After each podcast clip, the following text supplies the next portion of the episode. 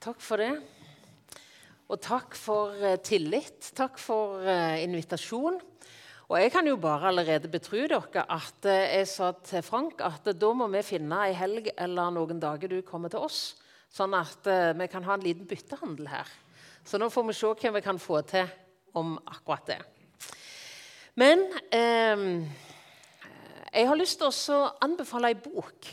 En ser sånne eksbokhandlere, så blir en litt sånn tenker jeg, Her må man bare slå et slag for uh, det å lese noe godt. Um, I forbindelse med denne helga her og dette, arbeidet med dette temaet så har jeg lest ei forholdsvis ny bok av Max Lucado som heter 'Urokkelig håp'. Bygg ditt liv på Guds løfter. Max Lucado, 'Urokkelig håp'. Jeg eh, har ikke liksom henta sånn veldig mye direkte fra boka, men jeg har kjent at jeg opplevde den gode hyrden som salva min sjel når jeg leste i den boka der. Så det er en, eh, en anbefaling. Max Lucado, 'Urokkelig håp'.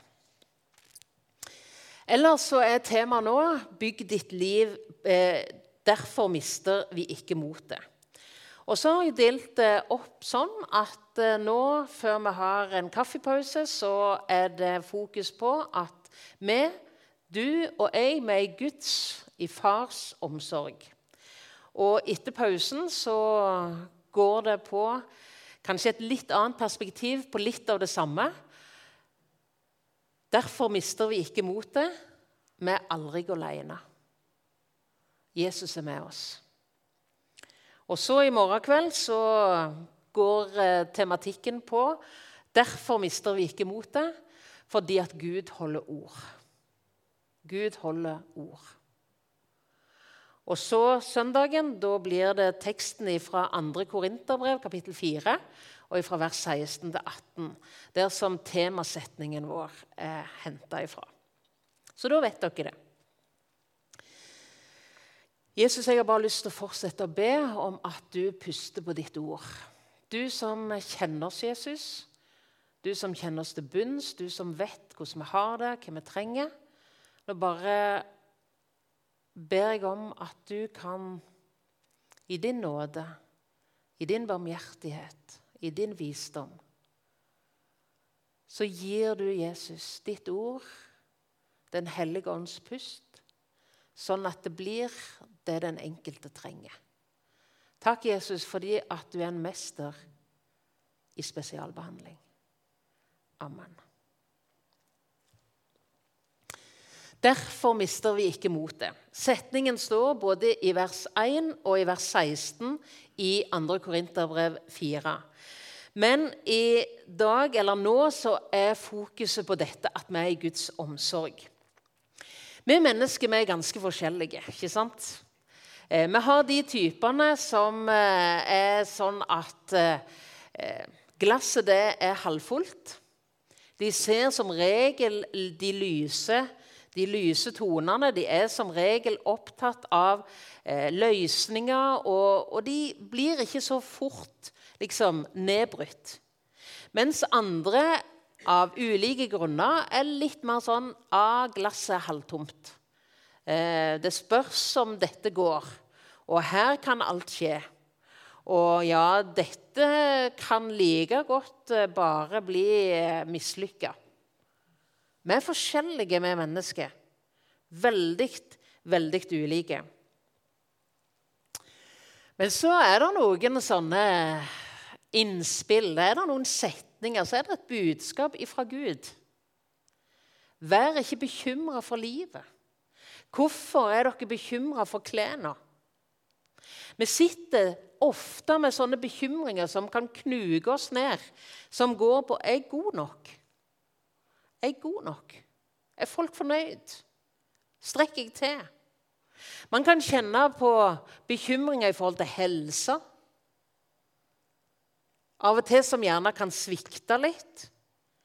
Man er bekymra for framtida, vi er bekymra for ting som kan skje. Vi har korona bak oss. ikke sant? Vi opplever av og til helt spesielt hvor skjørt livet er. Og så bekymrer vi oss. Hvordan skal det gå med meg, med mitt og med mine? Og så kommer budskapet fra Jesus og Bibelen i Matteusevangeliet kapittel 6. Så er det som at Jesus på en måte, han som kjenner så godt, han vet jo at, at sånn er vi. Sånn er de menneskene som jeg skapte. Sånn er de som ble rammet av syndefallet. Sånn er de som strever med å tro mitt ord. Sånn er de som jeg elsker. De har lett for å bekymre seg. Og så er det som at Jesus kommer oss og de som hørte han den gangen, i møte når han sier 'Se på fuglene under himmelen'. Se på fuglene under himmelen. Se på liljene på marka. Så fantastisk fine. Så kortvarige. Allikevel så har Gud kledd dem sånn som han har gjort. Sjøl ikke Salomo i all sin prakt var kledd som en av de.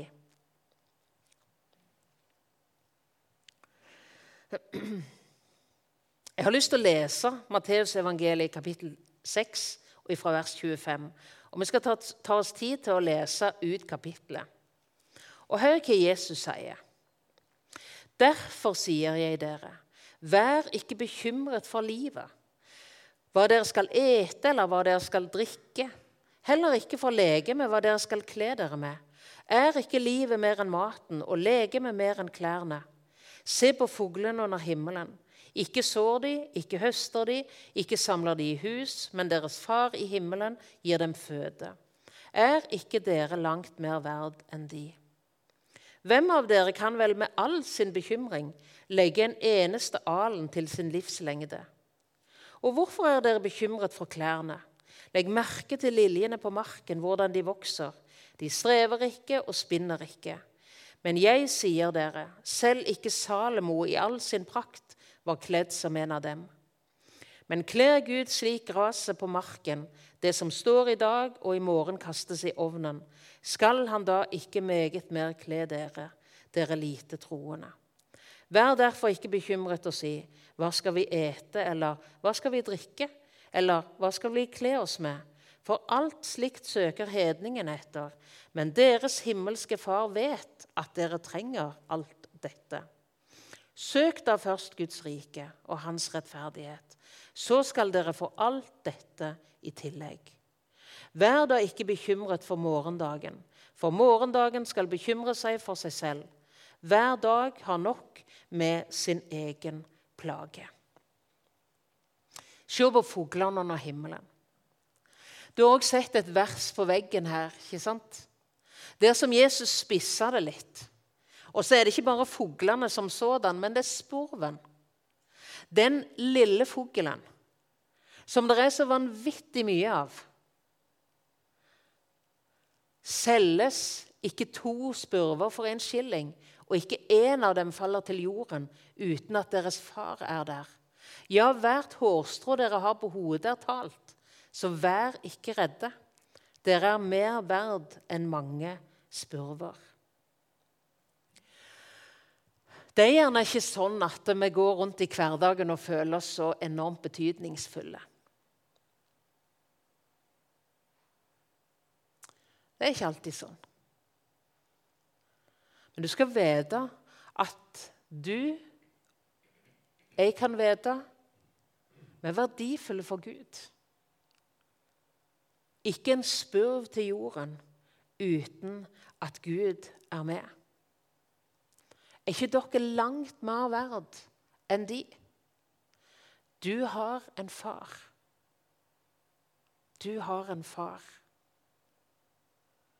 Og så synger eller skriver Lina Sandell en som fader omsorg for meg bær. Og så har jeg tenkt litt på det. Hvem er vi egentlig i Guds blikk? Hvem er jeg egentlig for min far i himmelen? Hva ser han? når han ser meg. På en måte så føler jeg at Jesus åpner litt hjertet, eller åpner litt sånn at vi kan se inn i Guds hjerte når han forteller lignelsen i Lukas 15. Først om sauen, så om sølvpengen, og så om den ene sønnen som krenka faren så vanvittig. Som ba om å få arven. Som reiste langt vekk, brøt grense etter grense etter grense. Og så begynner han å lengte hjem. Og så har han en plan på hva han skal si når han kommer hjem. Men lenge før han ser faren, så har faren sett han. Så har faren sett han. Han ser at han er på heimvei. Han har speidet etter han. Han har lengta etter han. Han elsker han. Der henger en kledning klar. Der står noen sko klar. Der er en ring i smykkeskrinet. Og så ser vi Guds hjerte for den enkelte når denne faren springer sønnen sin i møte. Han får ikke sagt så mye. Han blir ikke sendt på badet, gutten, før han blir omfavna. Han får ingen kjennepreik. Guds hjerte for det enkelte mennesket. For en Gud, og for en far. Så hadde jeg lyst til at vi skulle på en måte stanse litt med det akkurat nå. Hvem er Gud? Hvem er du og jeg for Gud, for vår himmelske Far? Jo, for det første vi er skapt og ønska av Gud.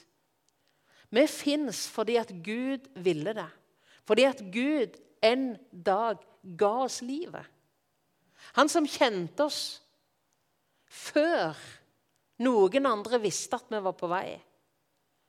Han som skapte oss i mors liv. Med hans verk. Hans skaperverk. Vi snakker av og til om menneskeverd. For et fundament for menneskeverdet. For enhver sitt menneskeverd. Skapt av Gud fordi at Gud ville det unike mennesker. Den store katastrofen som skjedde i Edens hage. Gud måtte iverksette sin plan for å vinne mennesket han skapte til seg, til fellesskap, til et evig fellesskap med seg. Så måtte han vinne dem tilbake. Og så er egentlig hele Guds ord det et Der kan vi følge på en måte sporene av Guds store hensikt, Guds store frelsesplan. Hvert menneske skapt av Gud. Hvert menneske var med på Golgata når Jesus døde. Dyrt kjøpt og prisen betalt. Det var ikke med sølv eller gull, men med Kristi dyrebare blod at Gud vant oss tilbake så var det en som betalte for våre synder. Så er det en som i dag kan si til ethvert menneske som Den hellige ånd fortalte om heimveien og om far. Min nåde er nok for deg. Min nåde er nok for deg. Så sa jeg noe om det der med Guds hjerte. Fars hjerte. Og jeg syns det står så fint også i Romerbrevet kapittel 8 vers 32. Han som ikke sparte sin egen sønn. Når prislappen ble snudd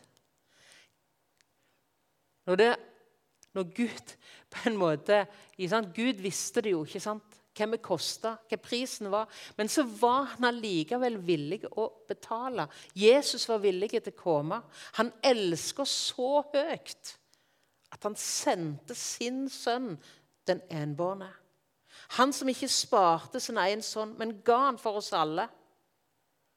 Hvorfor i all verden skulle han holde tilbake? Hvorfor i all verden skulle han holde tilbake noe som var til hjelp for oss, betydningsfullt for oss, for at han skulle få oss hjem? Guds hjerte, Guds fars hjerte, det slår for deg og det slår like hardt for deg som det gjorde den dagen der lydde hammerslag på Golgata. Han elsker det like høyt i dag som han gjorde da. Og så er det ikke bare at vi er unike, verdifulle, elsker Gud. I tillegg så er det sånn at akkurat nå så har du en far i himmelen som ser deg, og som forstår deg fullt ut. Av og til så sier vi mennesker til hverandre at 'jeg forstår hvordan du har det'. Det er jo egentlig den lyggen. For det gjør vi jo egentlig aldri. Vi kan ikke forstå helt. Vi kan ane det fordi at man kan ha opplevd noe lignende, eller man er tett på den som man snakker med, eller et eller annet sånt. Men det er bare Gud som forstår et menneske fullt ut. Det er bare Gud som kjenner din historie, som vet hvorfor du reagerer på de tingene du reagerer på. Hvorfor de tingene som er verdifulle for deg, er verdifulle for akkurat deg. Hvorfor den relasjonen er så viktig, og hvorfor den hendelsen satte sånne spor. Gud kjenner deg til bunns. Din himmelske far vet akkurat i dette øyeblikket hvordan du har det, og han ser deg der som du er. Han som en dag satt og venta på den samaritanske kvinna, som fikk en helt annerledes dag enn hun hadde planlagt. Han som satt der for han var trøtt etter reisen. Han fikk lov å dele evangeliet. Kjente du Guds gave? Det levende vannet. Og så ble dagen og framtida og livet nytt. For hun møtte en som kjente henne til bunns, men elsket henne og ønskte fellesskap. Og reiste henne opp. Så var det noe av det Hager opplevde når hun var på vei ut i ørkenen. Gravid. Veldig, veldig, veldig usikker framtid. Og så blir hun møtt av Herrens engel. Han som kjenner vår vandring. Der vi er. Vår adresse. Har jeg virkelig sett han som ser meg? Og hennes vitnesbyrd. Du er Gud, han som ser. I 1905 så ble det skrevet en sang som Jeg vet ikke hvor mange ganger den er sunget. 'His Is On The Sparrow'. Kanskje mest kjent gjennom Mahalia Jackson sin stemme. Forfatteren til denne sangen har delt bakgrunnen. De var en gang, hun og mannen, i New York, og så var de på besøk hos et par i en menighet. Og Dette paret de var kjent for to ting. Det ene det var at de var dypt prøvd med sykdom. Og de hadde veldig, veldig dårlig helse. Og så var de kjent for at de skapte sånn oppmuntring. De betydde så mye for omgivelsene sine. De var sånne som folk kom på besøk til og, og gikk styrka ut igjen. Og så var de så nysgjerrige på hva er greia Hvorfor i all verden kan dere leve sånn, ha det sånn og være på en måte så positive og være med på å gi andre et sånn et løft, når dere kunne hatt mer enn nok med dere sjøl? Og så spør denne sangforfatteren dama hvorfor. Hva er hemmeligheten? Og så er det dette som er svaret. His eye is on the sparrow, and I know he watches me. Gud ser spurven, og jeg vet at han våker over. Han ser. Han fullkomment forstår meg. Og Så blir dette henta opp igjen i Guds ord. Så nydelig i Hebreabrevet kapittel 4 fra vers 15 til 16. ikke sant? Der står om at vi har en ypperste prest ikke sant? som kan ha medlidenhet med oss i vår svakhet. La oss derfor med frimodighet komme fram for nådens trone og for miskunn, finne nåde til hjelp i rette tid. Vi har en plass å gå. Så kan vi få henvende oss til Han som ble menneske Han som fullkomment kan forstå oss og det å være menneske. Og han som òg er Gud. Derfor kan han hjelpe. Han som er full av nåde og sannhet. Du er sett av din himmelske far. Han forstår deg fullt ut. Vi har ulike erfaringer i forhold til fedrene våre. Sånn er det. Og de erfaringer de gjør noe med oss, og de erfaringer vi har i forhold til foreldrene våre, de betyr noe òg for gudsbildet vårt, snakker vi om av og til. Jeg har en kjekk far. Han er ganske, ganske koselig. Han begynner å bli litt eh, gammel nå, stakkar far min. Det er litt stritt.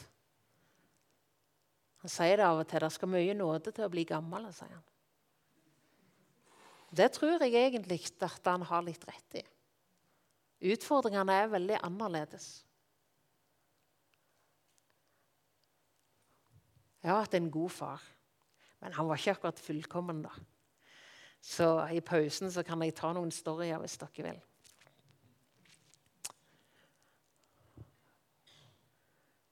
Men tenk at vi har en far i himmelen som fryder seg over oss med glede. Går det an å si det? Går det an å si det?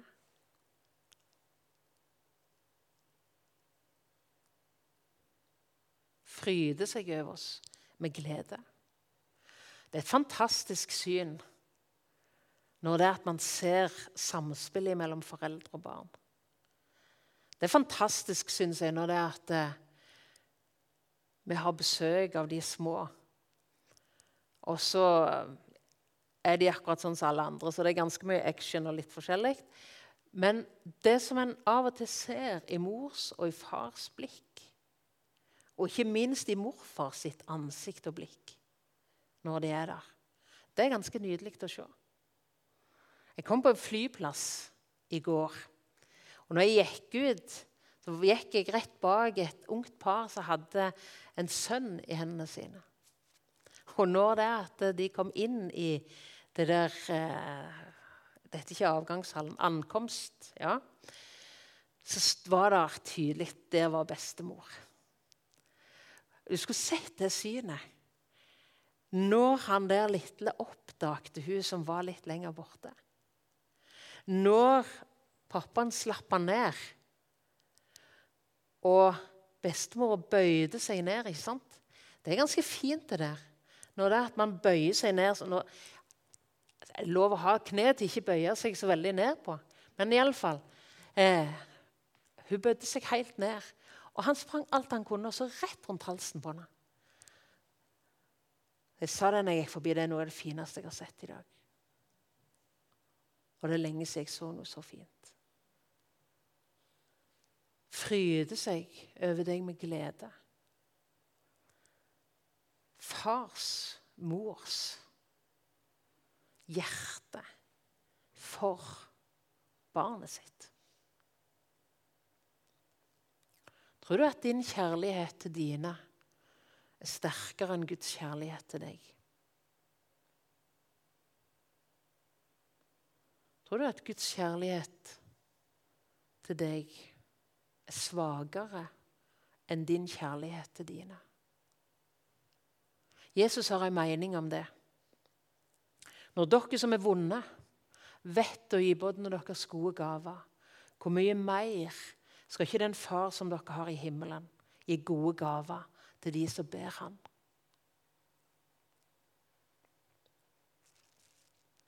Gode gaver til de som ber ham.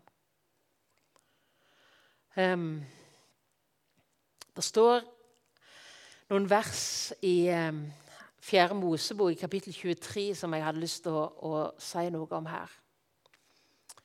Um, nå ble jeg så opptatt av at jeg ikke så den der klokka skikkelig. At jeg må bare gå litt til side.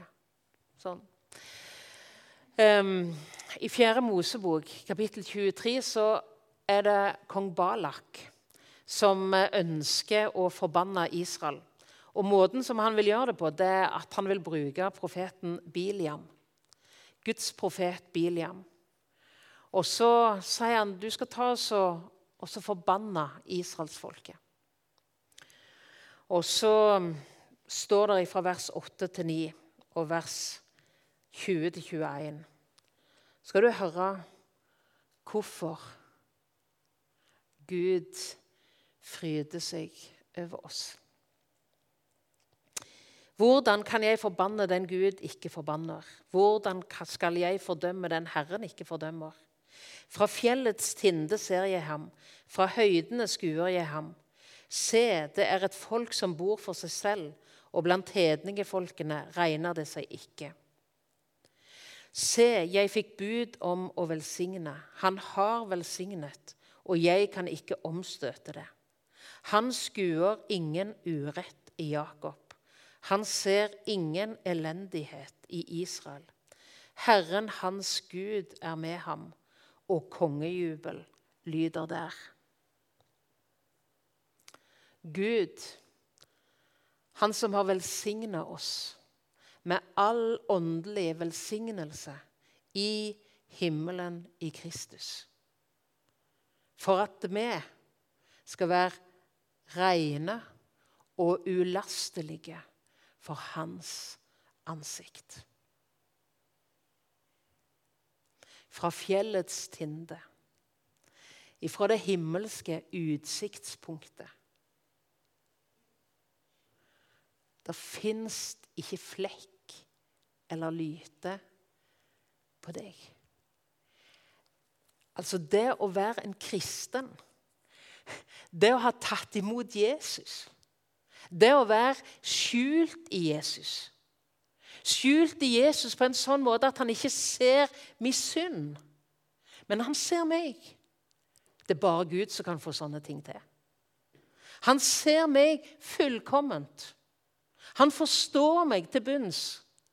Og han ser meg i Jesus Kristus, rene, rettferdige og himmelen verdige ren og rettferdig, himmelen verdig. Velsigna med all åndelig velsignelse i himmelen, i Kristus. Velsigna, elska. Og det gir, sånn, det gir et sånn perspektiv på den aronittiske velsignelsen. Herren velsigne deg og bevare deg. Herren lar sitt ansikt lyse over deg. Vær deg nådig. Herren løfter sitt åsyn på deg og gir deg fred. Under Guds velsignelse. Far til glede. Han fryder seg over fellesskap med sitt barn. Han fryder seg over fellesskap med sitt barn.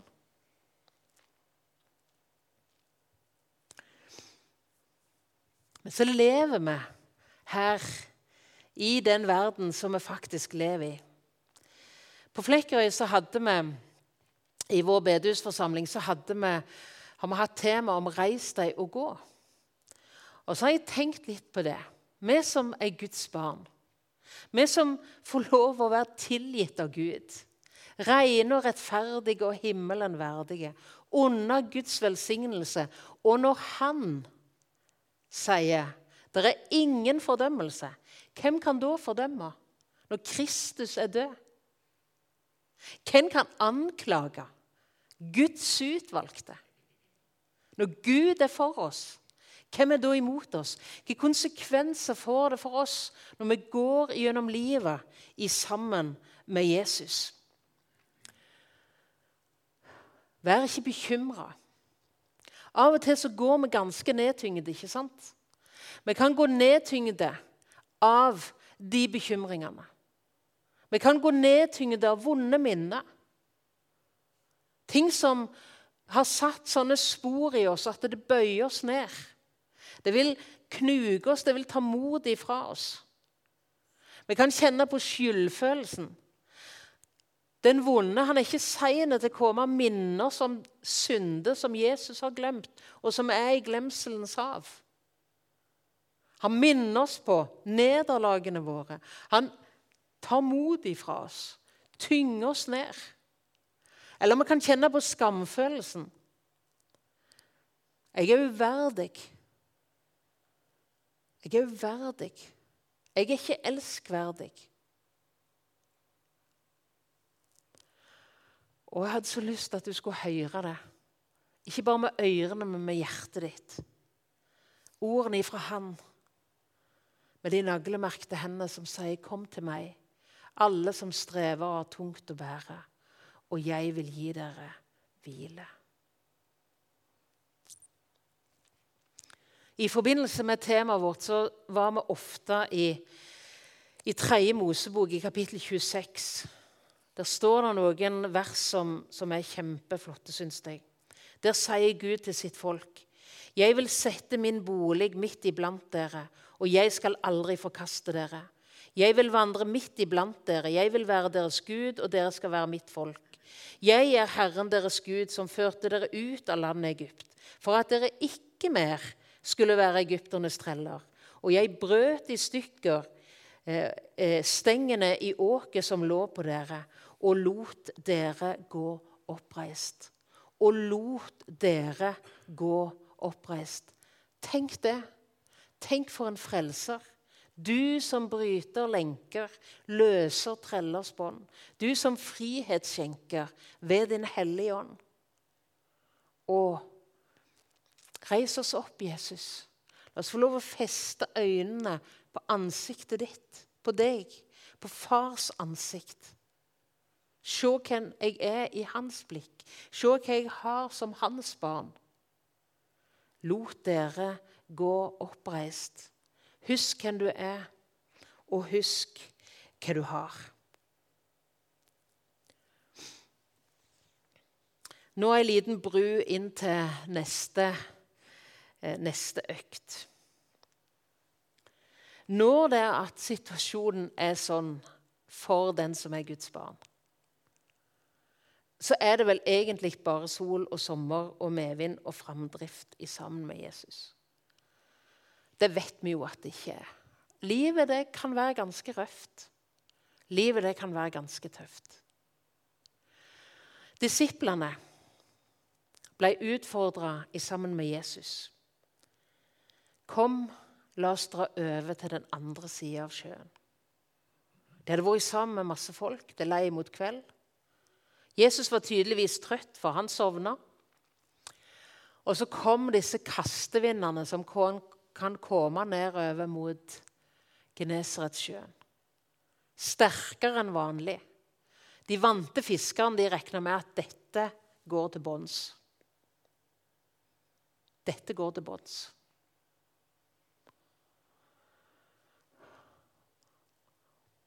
Og så er det et stort uromoment for dem at Jesus sover. Og så tror jeg at mange av oss kan kjenne, igjen, kjenne oss igjen i det. Man har en opplevelse av at kastevindene kommer brått innover livet. Eller kanskje så kommer de mer som en konsekvens av noen mørke skyer vi så litt lenger framme. Men uansett så har en en slags opplevelse av at Jesus på en måte ikke er skjønner tegningen helt. At Jesus ikke bryr seg. Og Disiplene til slutt ja, så rista de i Jesus. Rista han våken. 'Mester, bryr du deg ikke om at vi går unna?' David han har sagt det sånn. 'Herre, hvor lenge, Herre, vil du glemme meg for evig?' Kanskje så er du her som har en sånn bønn, et sånn et rop et sånn et skrik egentlig i hjertet ditt. Hvor lenge, Herre? Vil du glemme meg for evig? Og kanskje sittet og tenkt at eh, ja, du kan gjerne snakke om Guds farsomsorg. Jeg ser ikke mye til det. Jeg ser ikke mye til det.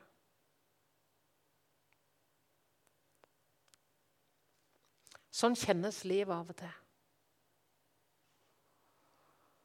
Sånn kjennes det for, den, for oss som barn av den fullkomne far.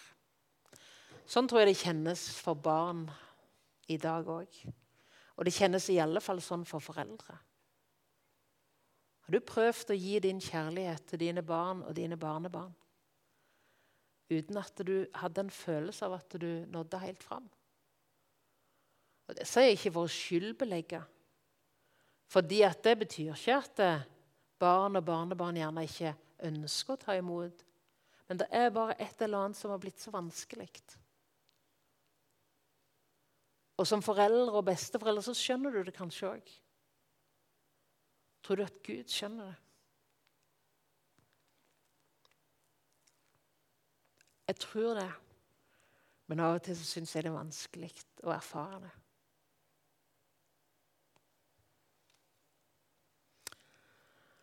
For et øyeblikk det var når Jesus reiste seg og stilte stormen. Så har jeg lyst å bare minne oss om at når de reiste,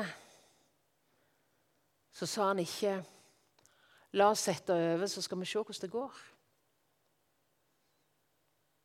Men han sa 'La oss sette over til den andre sida'.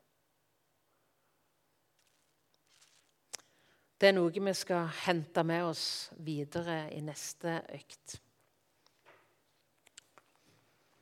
Så tenkte jeg på den sangstrofa. Han slipper ikke taket som tok deg i hand. Han leier deg trygt hjem til himmelens land. Sånn er det å ha en far som ser, en som har omsorg. Så kan vi kjenne at motet svikter, og av og til så mister vi det litt. Men se på fuglene under himmelen. Du er mer verd enn mange spurver. Amen.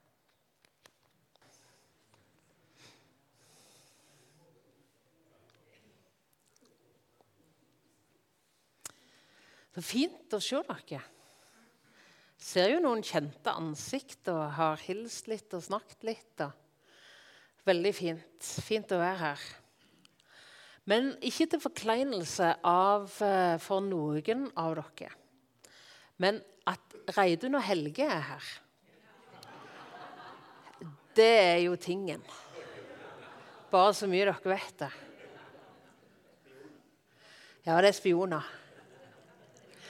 Nei Vet dere, det er fantastisk å ha noen Jeg går rundt og tror at de ber for meg. Jeg går rundt og tror at uh, de vil meg vel. Og um, jeg tror ikke jeg hadde mista jobben om det at jeg hadde, det hadde gitt ganske skeis i dag heller. Så tenker jeg litt på det, sånn på vei inn i det temaet som vi skal fortsette med nå. Det er utrolig fint og ikke føle at han er alene. Utrolig fint å kjenne at han har noen som står med. Og det ble på en måte sånn, en sånn ettertanke for meg. Eh, for nå er temaet Derfor mister ikke vi motet. For vi, er aldri helt alene. Av og til har vi gleden av fellesskapet med andre mennesker. Og det er fantastisk. Fellesskap der vi kan hjelpe hverandre. Det kan være i en familie, i et ekteskap, i et godt vennskap, i en forsamling eller ja, Det kan smågrupper eller hva som helst. Det å ha noen som heier, det å ha noen å gå sammen med. Utrolig fint.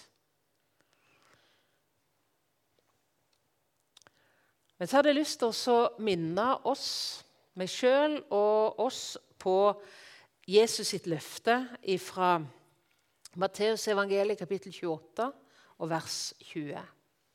Og se, jeg er med dere alle dager inntil verdens ende. Jeg er helt sikker på at dette er en setning du har hørt mange ganger.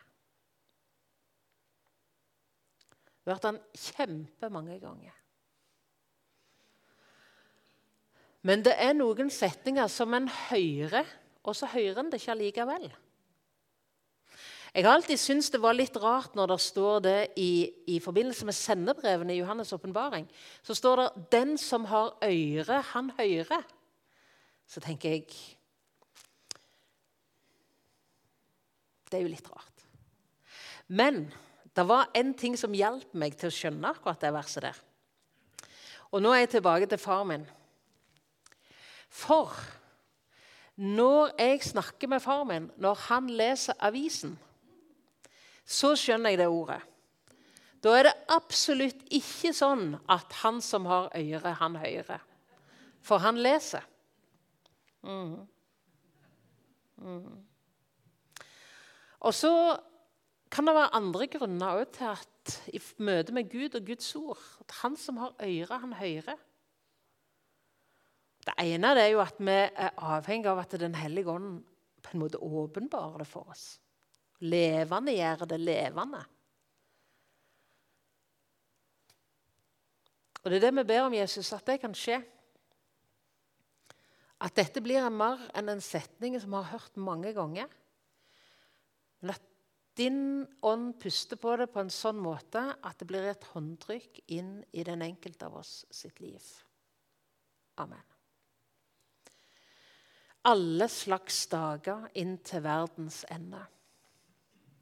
Vårt liv det veksler. Ikke så lenge siden jeg var i en begravelse, og da ble denne sangen sungen.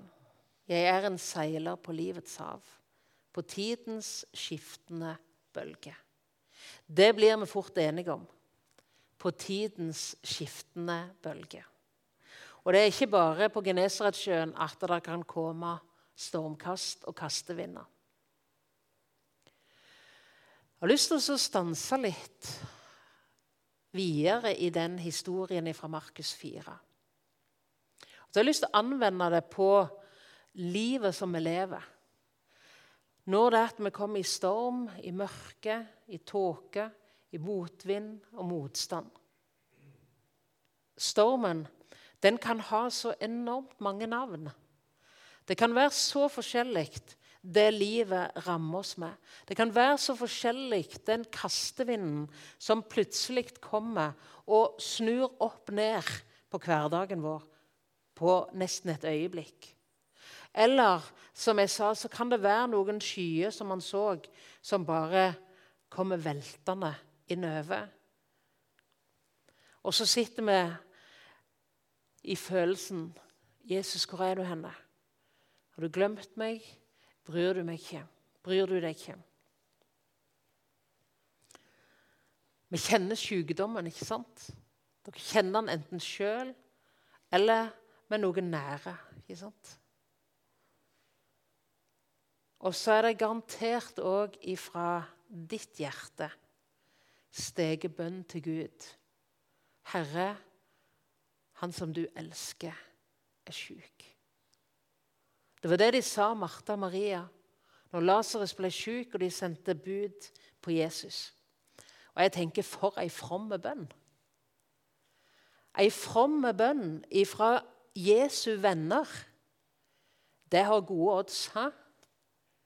Ei fromme bønn ifra Jesu venner, det må jo, det må jo slå inn. Så er det så utrolig underlig med Jesus. Han blir ennå ikke bare noen timer, men noen dager der som han er. Før han begynner å gå. Og Man kan ane hvordan det ser ut i heimen i Betania. Hvordan disse søstrene steller om broren sin. Hvordan de av og til er ute hos naboen og spør har dere hørt noe om Jesus nærme seg. Hvordan de sitter med tekoppen eller hva i all verdens de drikker. Og så Og lasere sover en stund, så snakker de. Og vi har jo sendt bud til Jesus. Kanskje vi må ta oss og gi beskjed en gang til? Hvorfor kom han ikke? Har han glemt oss? Er det noe som er viktigere? Og så er det ikke bare at Jesus ikke kommer, men broderen blir dårligere og dårligere. Og til slutt så er det dødsannonsen. Jesus. Hvorfor kom du ikke? Hvorfor kom du ikke, Jesus? Han som du elsker, er sjuk.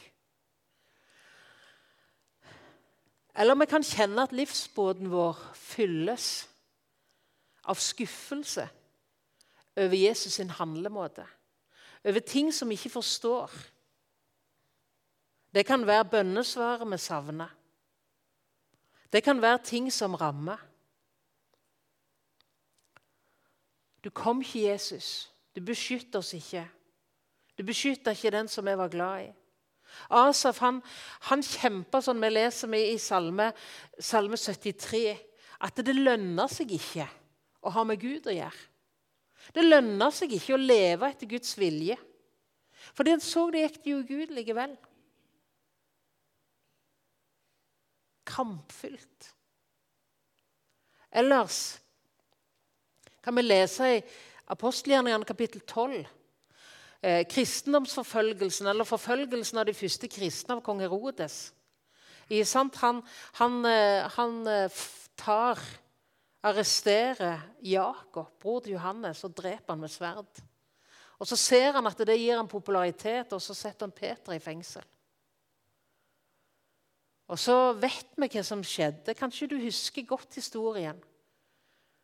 Apostelgjerningene 12, der det står i vers 5 at menigheten de var, eller Der står det at Jakob ble drept, og så senere så står det når Peter blir satt i fengsel, så samles de kristne og ber for ham. Og Så tenker jeg hva tror de ba om?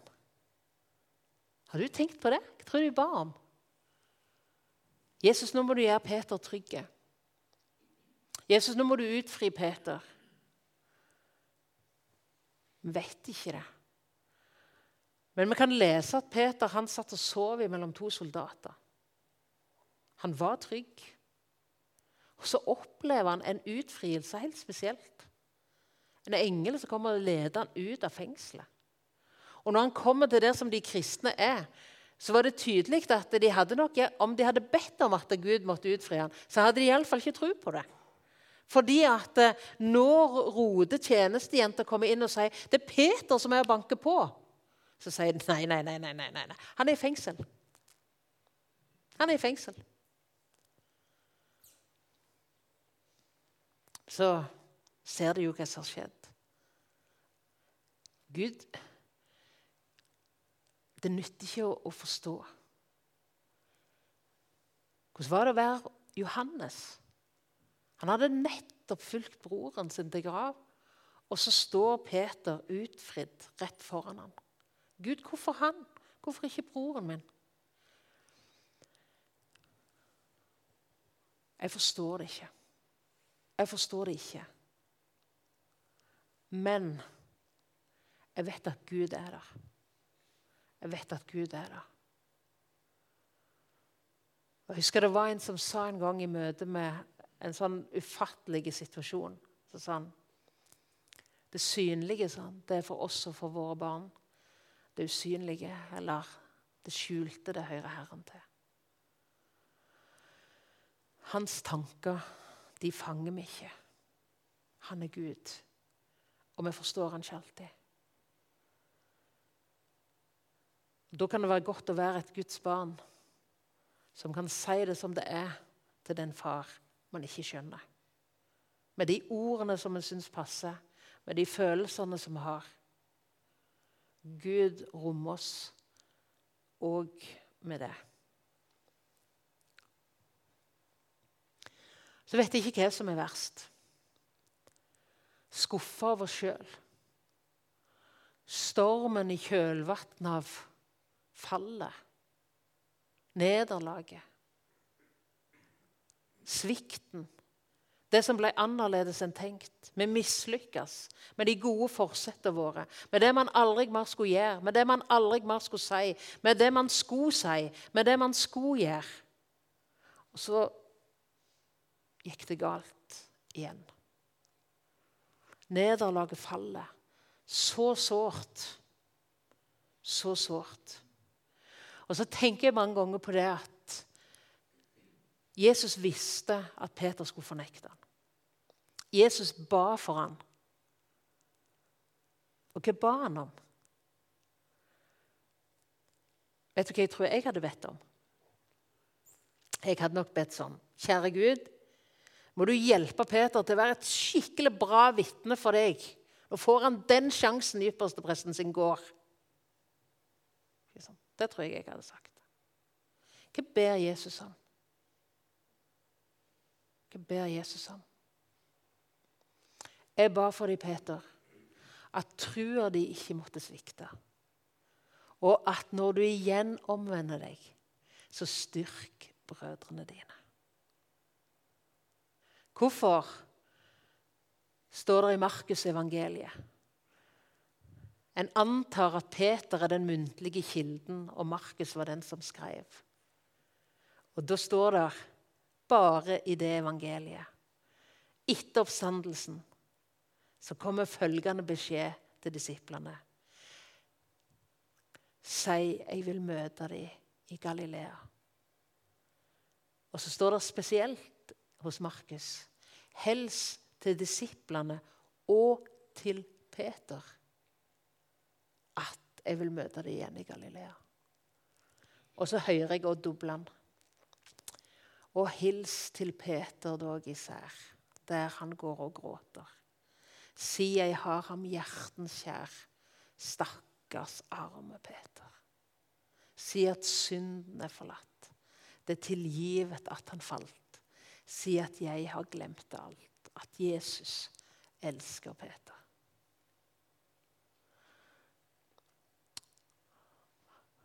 For en betydning det har når stemmen ifra Gud, lyset på en måte ifra evangeliet, kommer inn i hjertet når vi virkelig kjenner at nå spørs det om Gud vil ha med meg å gjøre lenger. Nå spørs det om det at jeg har fått min siste sjanse. Det skulle jo ikke skje igjen.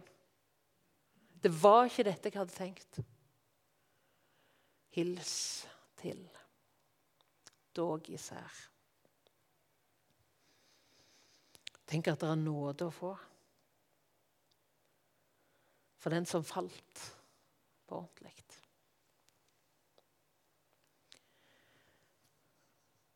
Storm, eller kanskje er det mer mørke og tåke som preger tvilen og fortvilelsen. Thomas, ikke sant? Thomas som ble skikkelig lei seg, som ble skikkelig irritert og frustrert når det er at eh, disiplene hadde opplevd at den oppstandende Jesus kom og møtte dem på den øvre salen. Når de kom så begeistra og fortalte Tenk, Jesus lever! Vi har snakket med han. Han kom til oss. Plutselig så var han der. Vi hadde ikke, vi hadde ikke sagt hvor vi var engang. Han kom. Og så er det som at det, om det er skuffelse eller hva er det som liksom bare velter inn over Thomas så sier Hvis ikke jeg får tatt hånda mi i sida hans og hendene mine, fingrene mine i naglemerkene hans, så vil jeg ikke tro. Det er ganske friskt sagt. Det er ganske friskt sagt. Det er nesten sånn vi ikke tårer å si til hverandre, selv om vi egentlig mener det.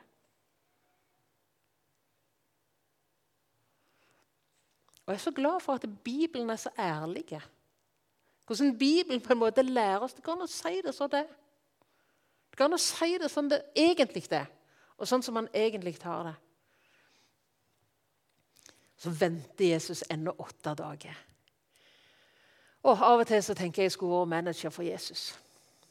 Da skulle det gått litt fortere. Det kan jeg bare si. Da skulle jeg sagt Jesus, Thomas han trenger deg, og han trenger deg nå. Så nå må, er det fint hvis du møter ham. Det er jo egentlig dumt å si sånn. sant? Kanskje er det nesten i kanten på for hverdagslikt. Men samtidig så tror jeg det er et eller annet med at sånn er det å være menneske. Og jeg tenker at det er lov å være det, for Jesus vet at vi er det. Av og til så syns man er så treg. Og jeg forstår det ikke når det er at jeg møter mennesker i samtale som sier Jeg har bedt og jeg har bedt og jeg har bedt om at Jesus kunne møte meg. At Jesus kunne hjelpe meg. At jeg kunne få et ord. At jeg kunne merke at han var i mitt liv. Men det skjer ingenting. Og da får jeg lyst til å si Jesus Dette syns jeg er mesterlaget. For vi vet at den er helt avhengig av at Jesus kan, må åpenbare seg sjøl. Man kan ikke åpenbare Jesus for andre mennesker. Vi kan vitne, vi kan lese, men det er Gud, det er Den hellige ånd, som må på en måte åpenbare Jesus.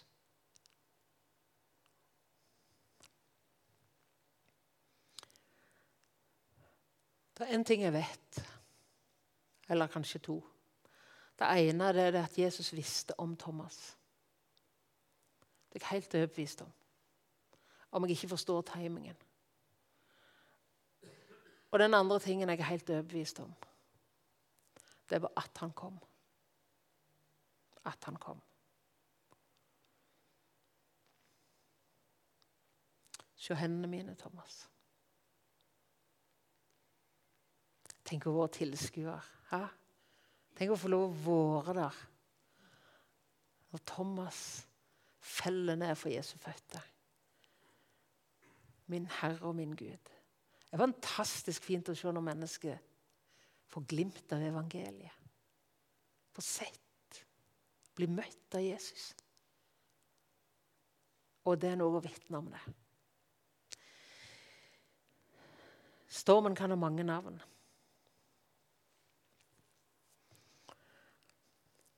Du registrerer at 'jeg har ingen svar'. Men jeg har lyst til å formidle et budskap. Og det er at en kristen er aldri alene i sin livsbåt. Og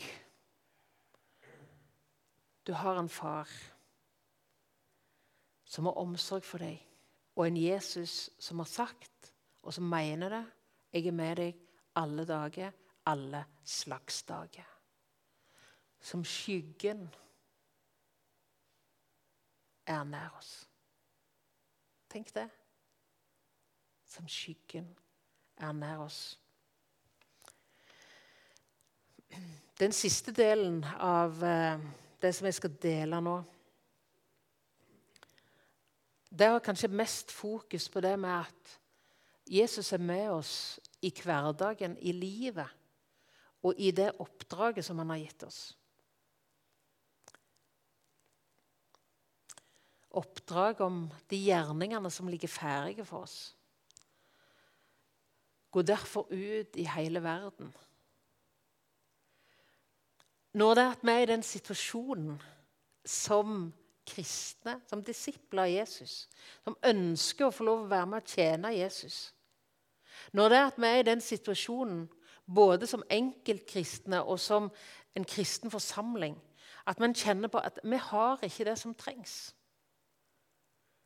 Når vi har kanskje litt av den følelsen som disiplene hadde når de så ut over et folkehav. Flere tusen mennesker, ikke sant? Og så står Jesus der, ikke sant? Uten en eneste takeaway i nærheten. Og så sier jeg dere skal gi dem mat.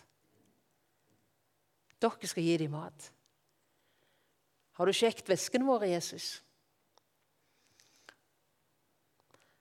Vi har ikke akkurat så mye mat med.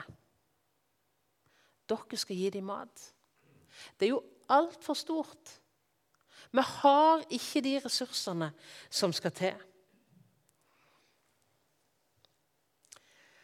Så vet vi hva som skjedde. ikke sant? Den lille gutten som hadde fått med seg en nistepakke som mora hans tenkte var passelig til han.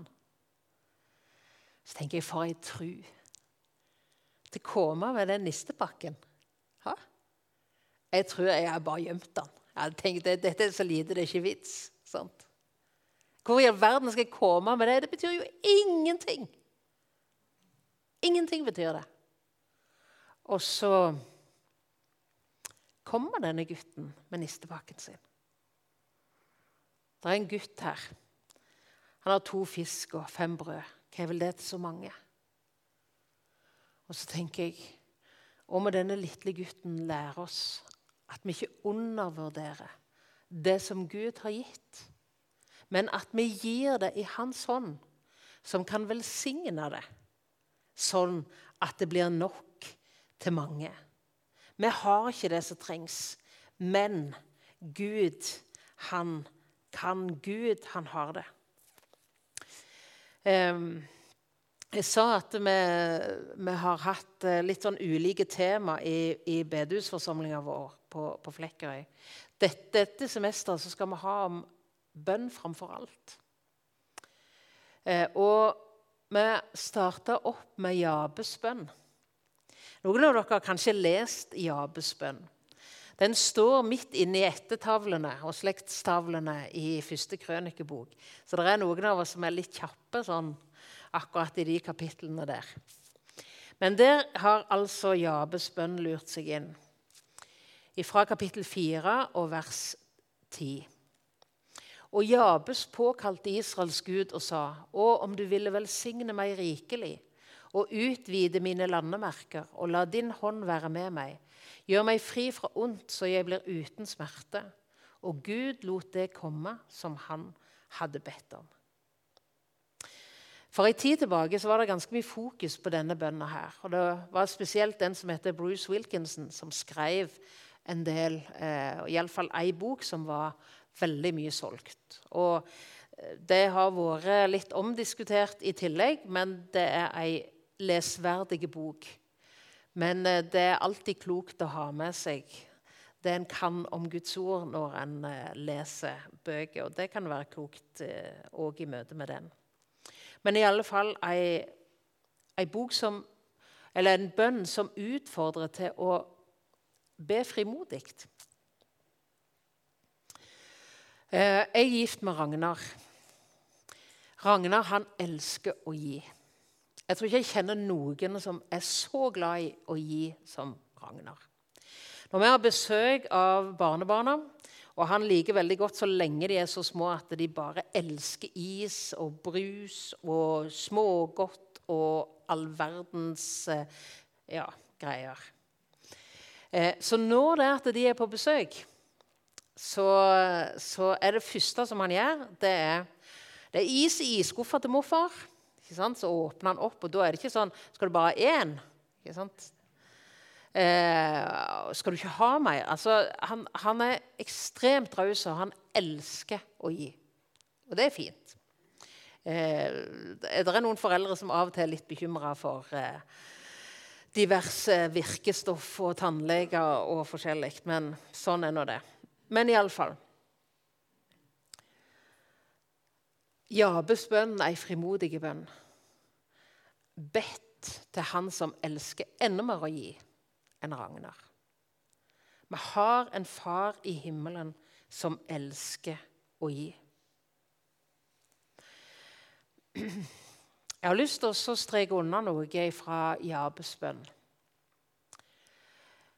Han ber, han starter sin bønn. Og om du ville velsigne meg rikelig. ikke det er en litt sånn frimodig bønn? Kanskje litt i meste laget, kanskje? Litt, nesten egoistisk. Um, men jeg har tenkt på situasjonen fra andre kongebok, kapittel 2. Der er det en stafettveksling mellom profeten Elia, som er rett før han blir henta i elvognen opp til Gud, hjem til himmelen, og så den unge profeten Elisha, som skal ta profetkappen og oppdraget videre. Når de står der sammen på fjellet, så sier den gamle profeten Hva vil du jeg skal gjøre for deg, Elisha? Og så svarer den unge Gi meg en dobbelt del av din ånd. Det er ganske, det er ganske frimodig. Vi har lett for å tenke og be Jesus, kan jeg få litt av? Sant? Kan jeg få litt av det? Kan jeg få litt av det? Kan jeg få litt av det? Og det er ikke det jeg mener at vi ikke har all grunn til å være ydmyke overfor den tre ganger hellige Gud. Det er ikke det som er mitt poeng. Men jeg tenker at eh, det er etter Guds hjerte at vi ber om å få det han har for oss. Og Elisha han ønskte sånn at hans liv kunne bli brukt av Gud til velsignelse for andre. Og så tror jeg det henger sånn sammen med Vil du velsigne meg rikelig og utvide mine landemerker? Og utvide mine landemerker. Utvide det som du har for meg, Gud. Se for deg den godeste Josva ikke sant? på vei inn i løfteslandet. Landet som Gud hadde gitt dem. Kallet fra Gud, overta etter Moses. Gjør deg klar til å gå over Jordan, du og hele dette folket, inn i det landet som jeg vil gi israelittene. Løfteslandet. Guds, Guds løfte. Utvide mine landemerker. Og så kan man lese med både ettertanke og undring fra Josva kapittel 13 og vers 1. Der konstaterer Gud Du er nå gammel og er kommet langt opp i årene. Men ennå står det en meget stor del av landet igjen som skal inntas. Ennå står det en meget stor del igjen av landet som skal inntas. Kan du velsigne meg rikelig, Gud? Kan du utvide mine landemerker? Kan jeg få lov, Jesus, til å være med på å være lydige inn i de spor som du går føre for meg? Gå inn i de gjerninger som du har lagt ferdige for meg, for å vinne nytt land for Jesus. For å bli enda mer kjent med han for min egen del og få lov å være med å vinne nye for Jesus. Nytt land. Jeg vet ikke om du hørte kongens nyttårstale. Jeg følte meg litt voksen når jeg gjorde det. Og det er jo ikke så dumt å føle seg voksen når man snart er 60 år, så det er jo for så vidt greit. Men i alle fall, jeg hørte kongens nyttårstale. Og så sa han Det er tid for å se hverandre nå.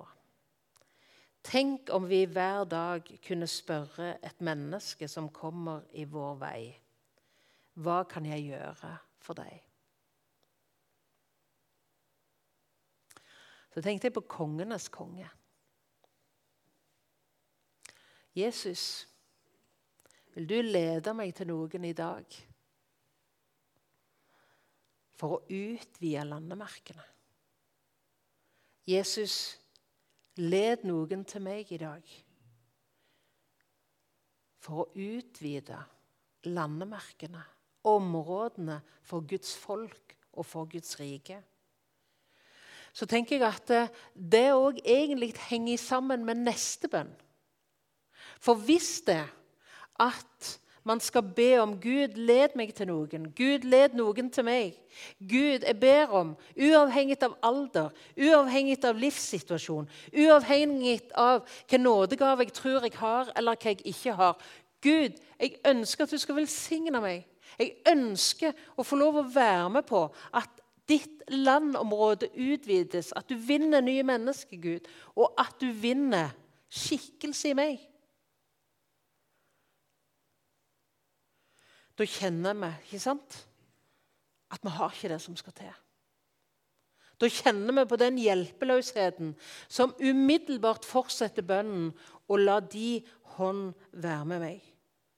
Så kjenner vi den der dype og rette erkjennelsen. Uten meg, sier Jesus, kan dere ingenting gjøre. Hvis ikke Herren bygger huset, så bygger bygningsmennene forgjeves. Jeg trenger deg, Jesus. Jeg trenger deg. Og må Gud hjelpe oss til at vi ikke innretter livet, sitt, livet vårt på en sånn måte at vi ikke har bruk for Gud. Og Gud hjelpe oss til at vi ikke innretter livet vårt sånn at vi ikke har bruk for Gud. inn i det som vi ikke klarer sjøl. Tenk på David.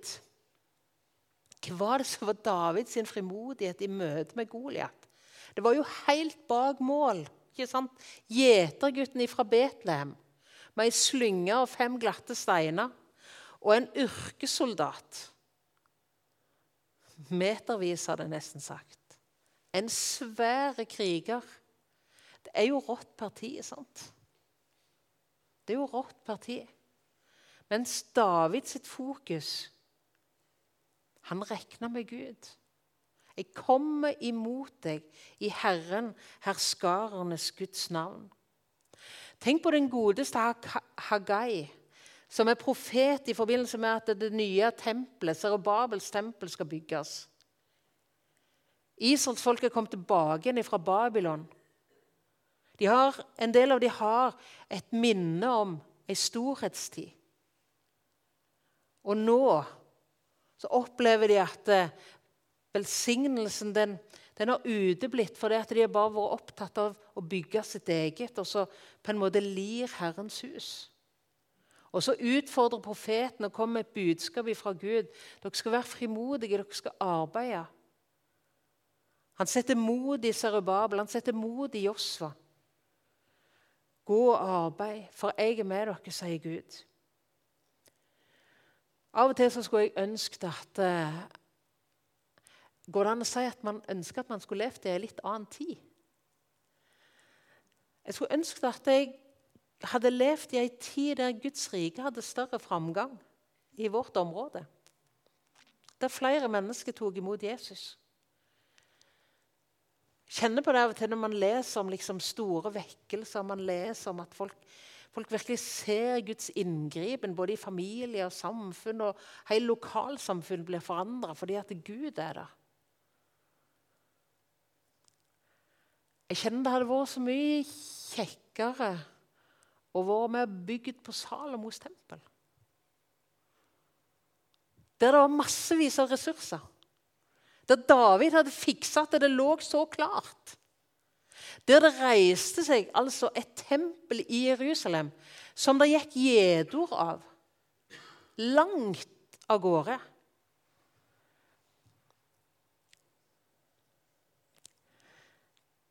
Jeg tror jeg hadde syntes det var litt stas. Det er ikke sikkert. Men nå lever jeg og du nå i den tid som vi nå skal bygge Guds rike.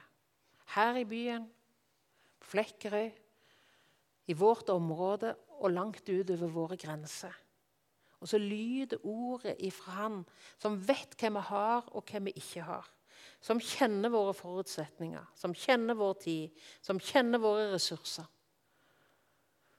Kom med det som du har.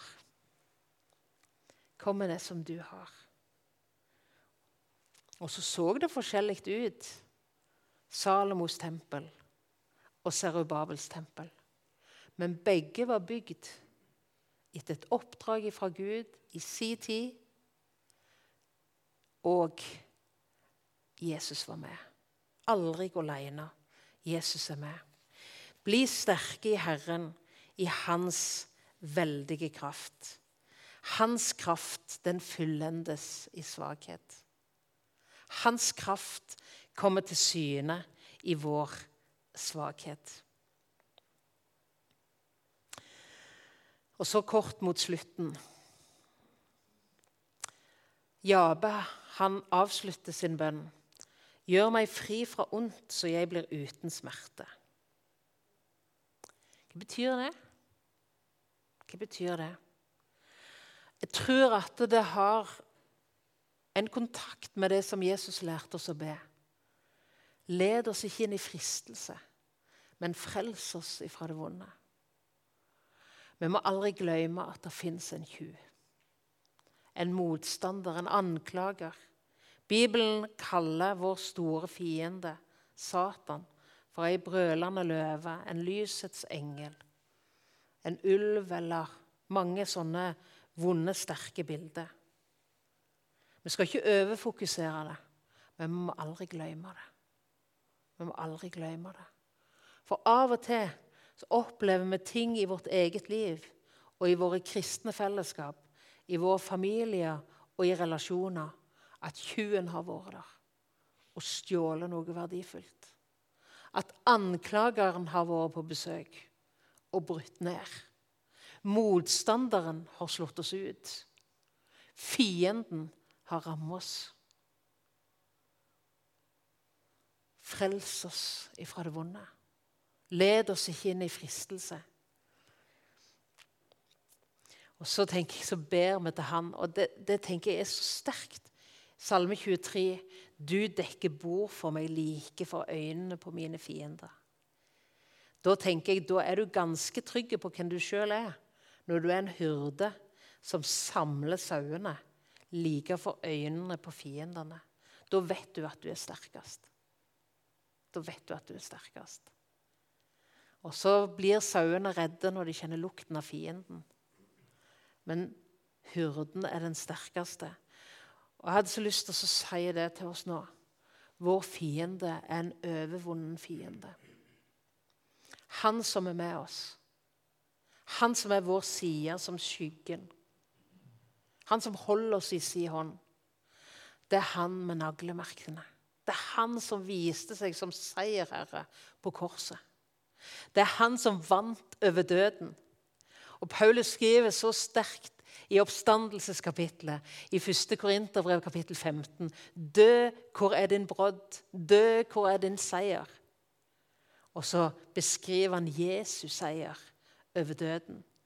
Så beskriver han oppstandelsen, det levende håpet. Vi vet at det går til seier. Jeg sa at jeg var opptatt av Eller jeg likte godt å se sport på fjernsyn. I går, så når jeg kom hjem, så sa Ragna Jeg har tatt opp eh, kampen imot Serbia, men jeg fikk ikke begynt før ca. 19 minutter. Det er OK, sa jeg. Og så sa jeg ikke til Ragnar og innrømte ikke at jeg hadde sett det engang. Jeg, jeg fikk en melding opp på telefonen. Der sto det at eh, Norge snudde kampen imot Serbia og vant. Og det visste jeg når jeg så. ikke sant? Sånn at, eh, at eh, Norge var ikke så gode. Det gikk egentlig ganske dårlig ganske lenge. Men så satt jeg der og så var jeg ikke så bekymra om det at de fikk en bål her, og Norge brant en sjanse der. Fordi jeg visste at de vant. Jeg var ganske sånn avslappa egentlig. Men så var det gøy å se likevel. Men jeg ble ikke så stressa av at eh, Norge gjorde det litt dårlig. Um, vår fiende er overvunnen. Jesus vant og jeg har vunnet. Vi kan li noen nederlag. Det er noen fall. Det er noen smeller. Det er noen stormer. Det er noen sorger. Det er noen ubesvarte spørsmål. Vi har så lyst til å avslutte med at det går til seier. Han som reiste i forveien, han sa meg er gitt all makt i himmel og på jord. Tenk for et utgangspunkt for løftet. Han som har all makt i himmel og på jord, han er med oss alle dager. Alle slags dager. I all slags vær. All slags føreforhold. All slags landskap. Og se, jeg er med dere alle slags dager. Jesus, kan du tale den trøst inn i våre liv? Kan du skape det håp i våre hjerter som lys av ditt nærvær? Lys ifra ditt kors og ifra den tomme grav kan skape i våre liv, Jesus. Både på det personlige planet i forhold til hvordan vi har det, og i møte med det som du har kalt oss til, Jesus. Både som mennesker og som en kristent fellesskap. Ditt rike, din kropp, som ditt sendebud i dag. Så ber vi Jesus se i nåde til oss. Og så takker jeg, og kan ikke takke deg nok. Takk, kjære Jesus, for at det går til seier. Takk for at resultatet er gitt. Takk at du vant, og jeg har vunnet. Amen.